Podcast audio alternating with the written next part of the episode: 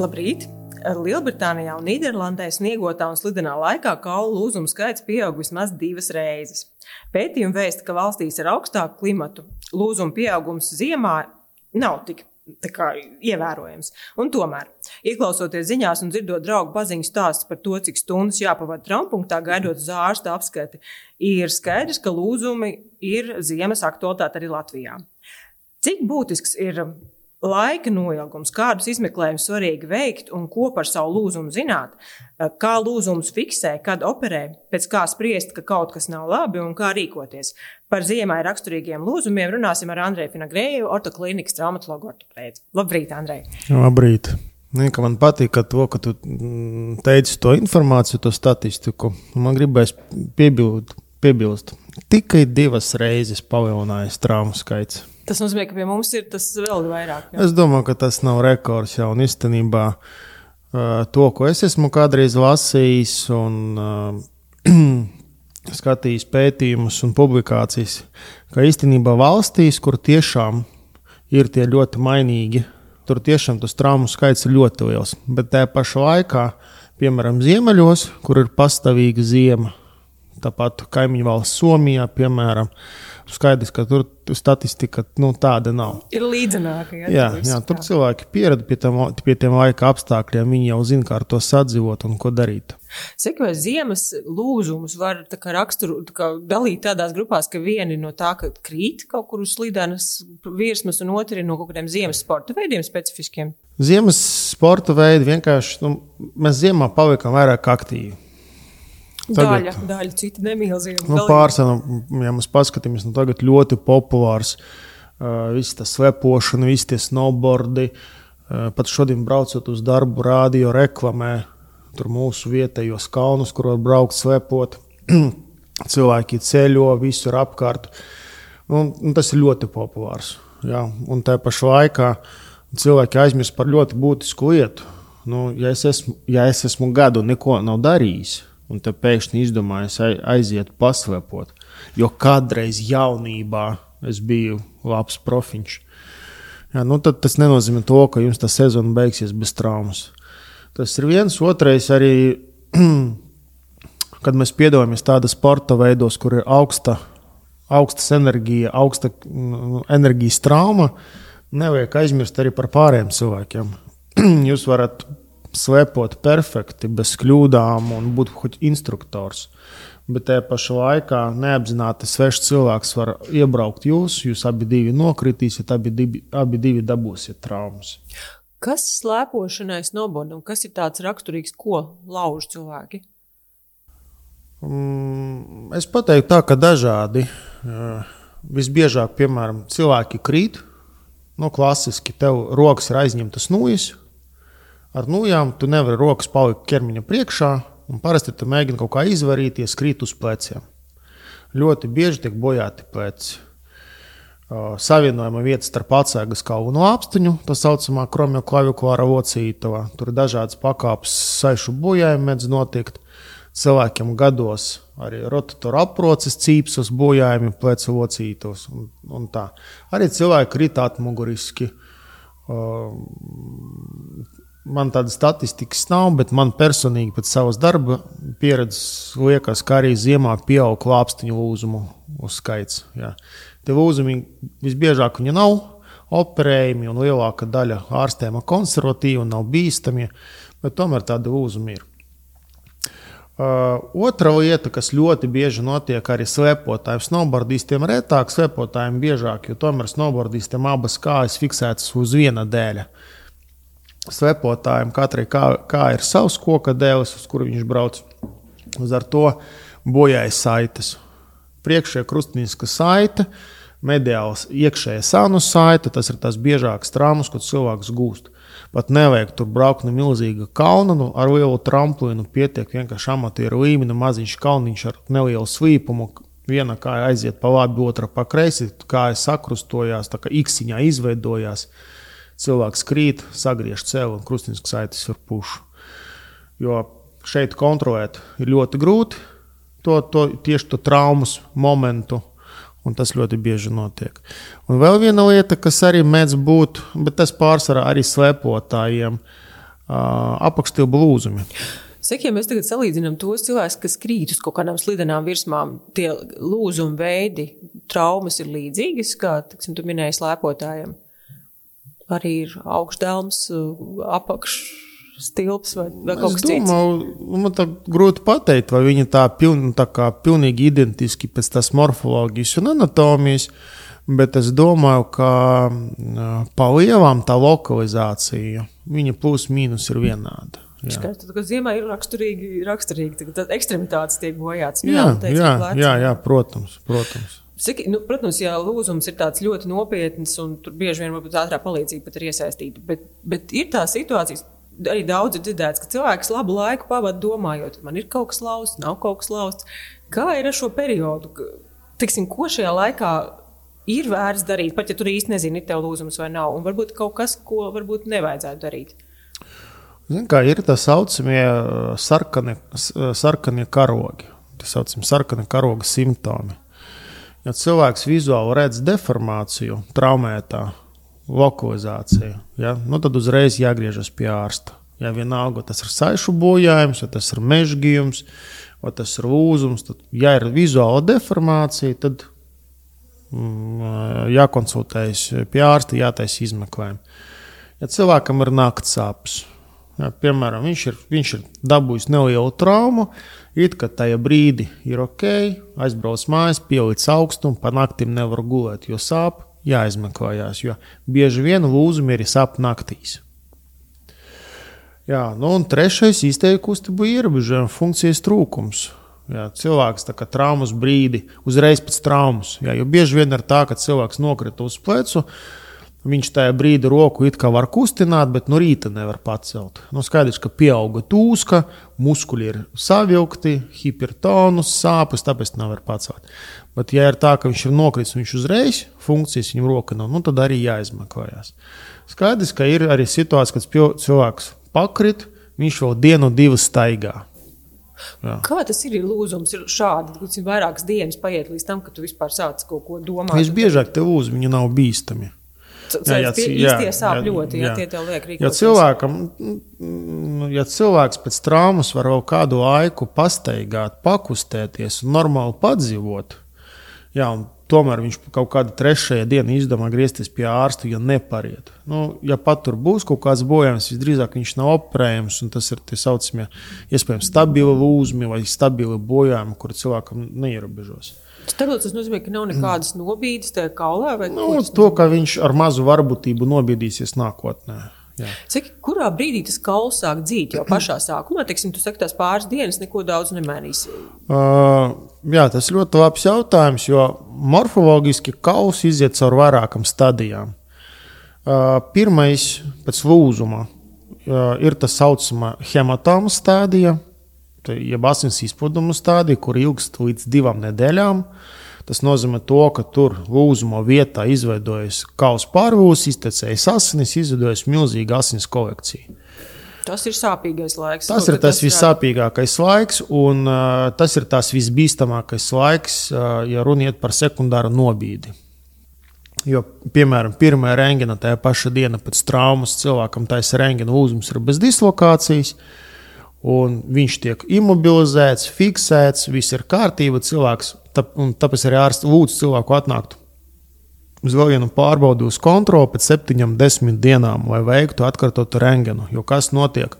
Hematoma sāk uzsūkties, tūska sāk mazināties, un kalva var drusciņi sāk kustēties.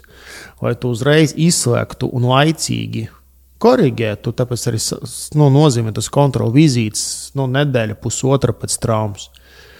Jā.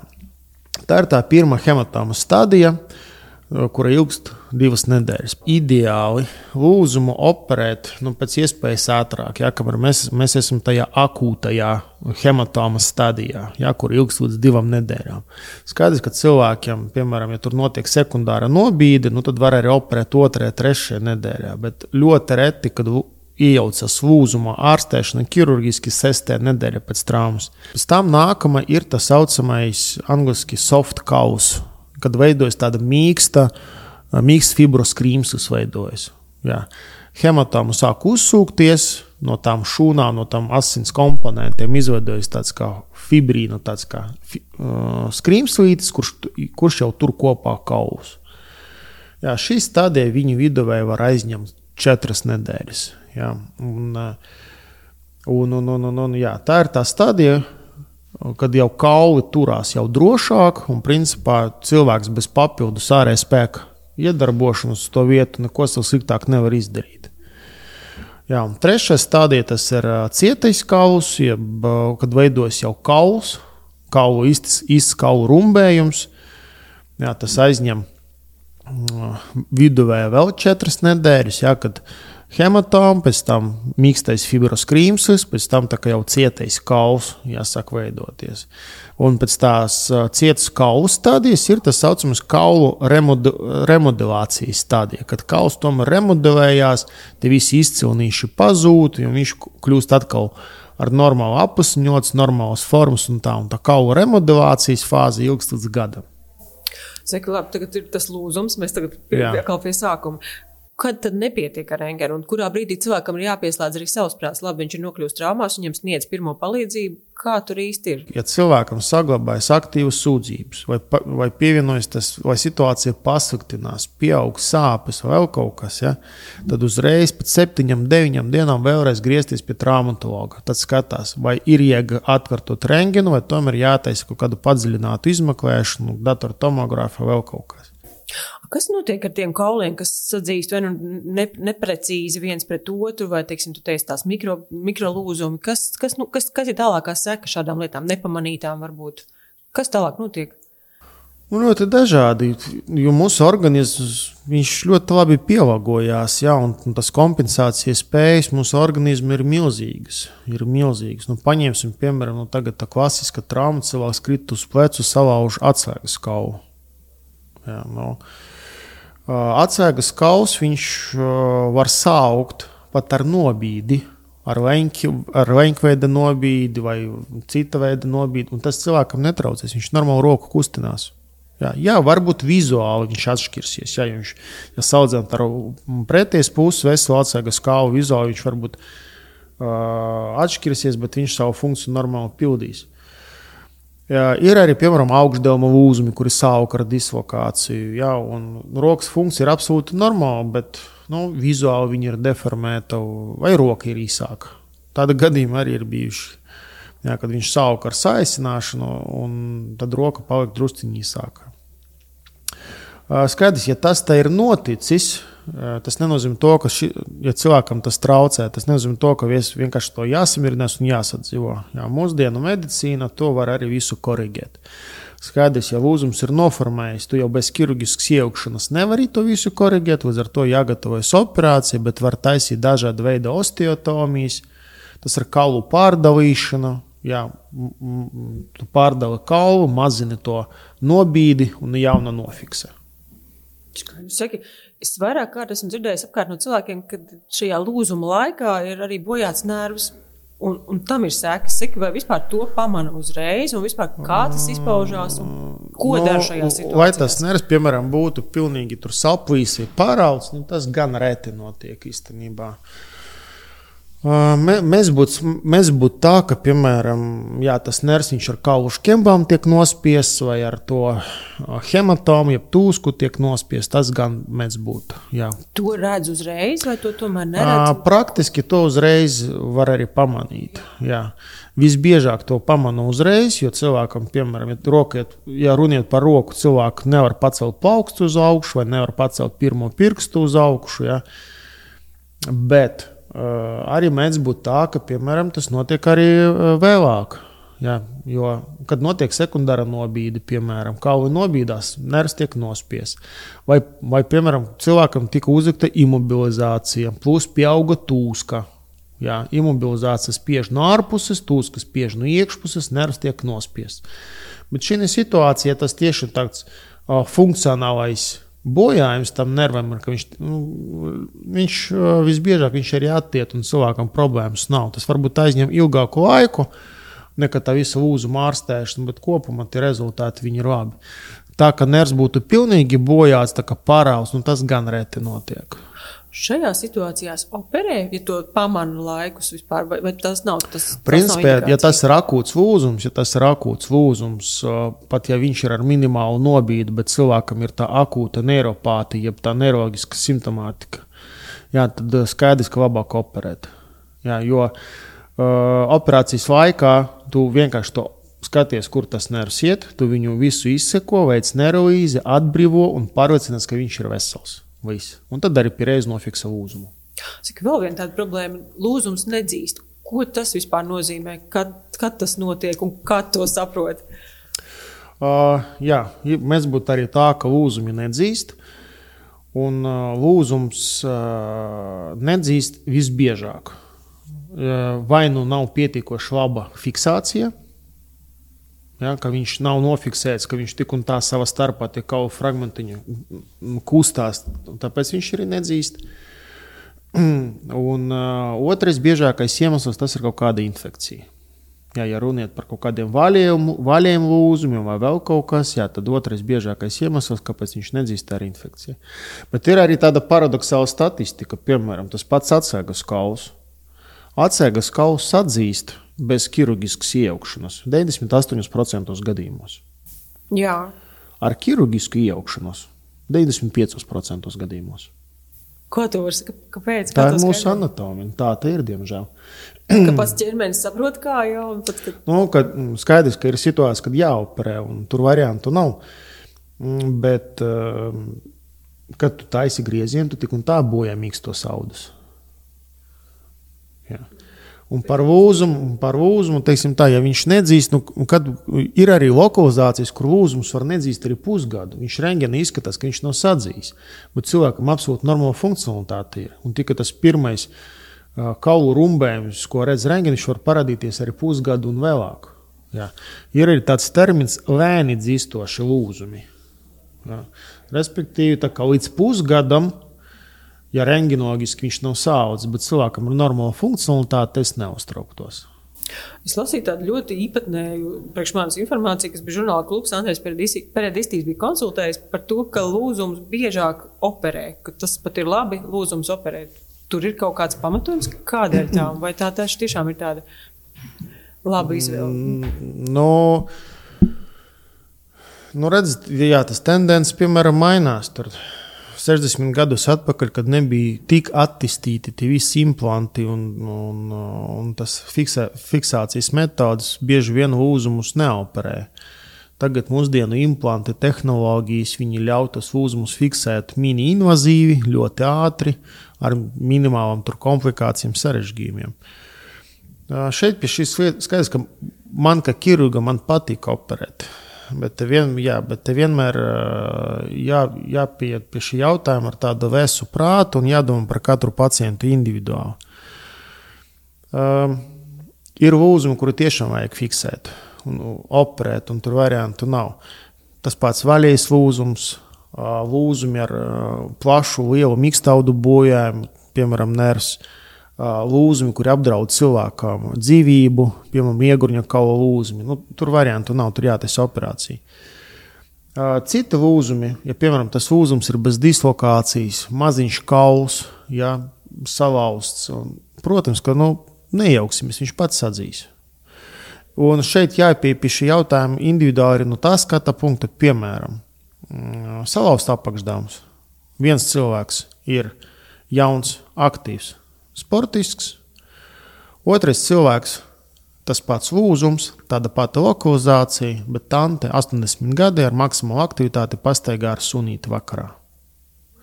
Un trešais cilvēks, 40 gadi, bet pianists. Ja pat viņam visiem būs viens un tas pats lūzums, viena un tā paša lokalizācija, tā ārstēšana atšķirsies.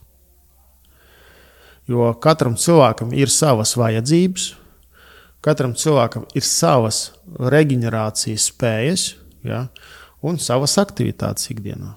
Es turbūt vēl vienu lietu paprasīšu. Labi, operācija tas liekas tāds galējs variants, bet ir vēl citi imobilizācijas veidi, ko, ko dara vispār, kā fiksēt to lūzumu. Viens ir tas ģips, ko mēs ļoti labi zinām, bet es saprotu, ka tā nebūtu vairs nav tāda primārā izvēle vienmēr.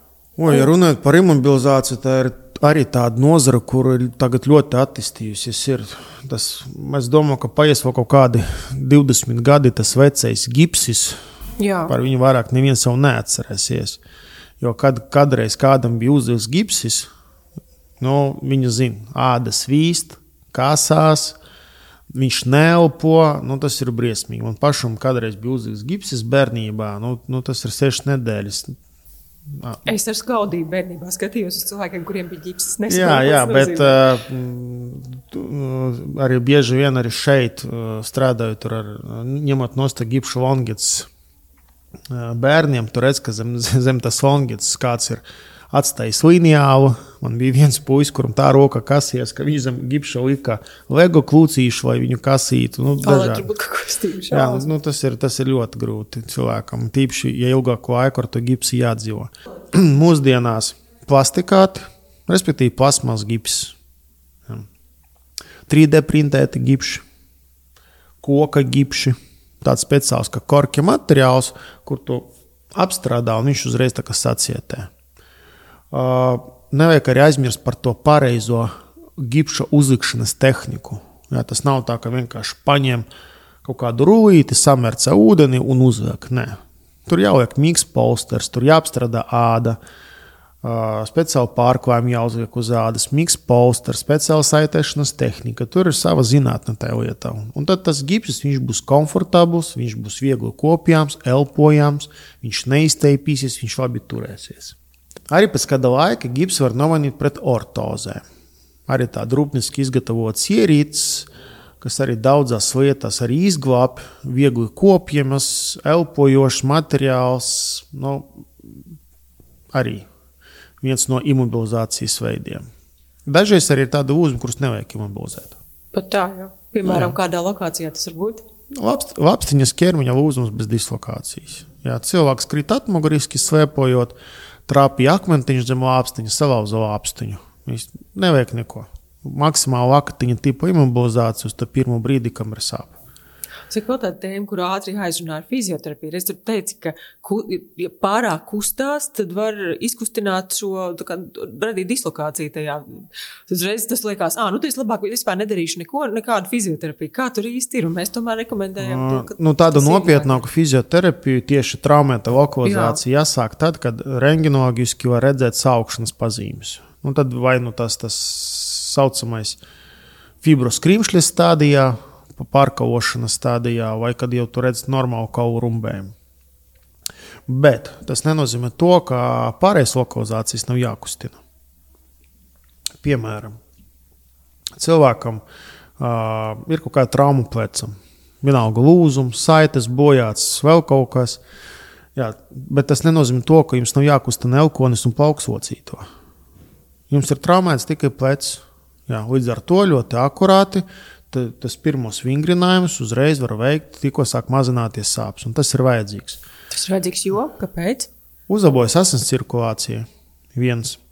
Uzlabojās asins attece, hematomas attece. Ja? Jo bieži vien ir tāds cilvēkam ir bojāts plecs, un viņam pēc tam mēnešam ilgi turēs zilums uz elkoņa. Saka, kāpēc? Saka, jūs elkoni nekustinājāt.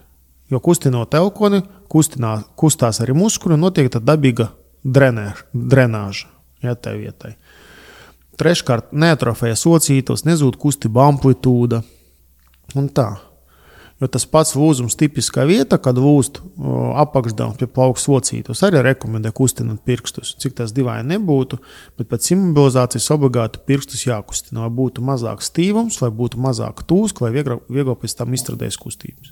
Cik ja mēs tagad tā re rezumējam, lūzums tas ir sīkums vai tomēr ir tā gradācija, kur tas galīgi nav sīkums. Kā uz to paskatīties? Nu, mūsu darbā, kad tu visu dzīvi saistīts ar kauliem un strādā tikai ar lūzumiem, nu, mums jau liekas, mums tā profdeformācija notiek. Mums liekas, ka tomēr tas lūzums tas jau ir nekas. Jā.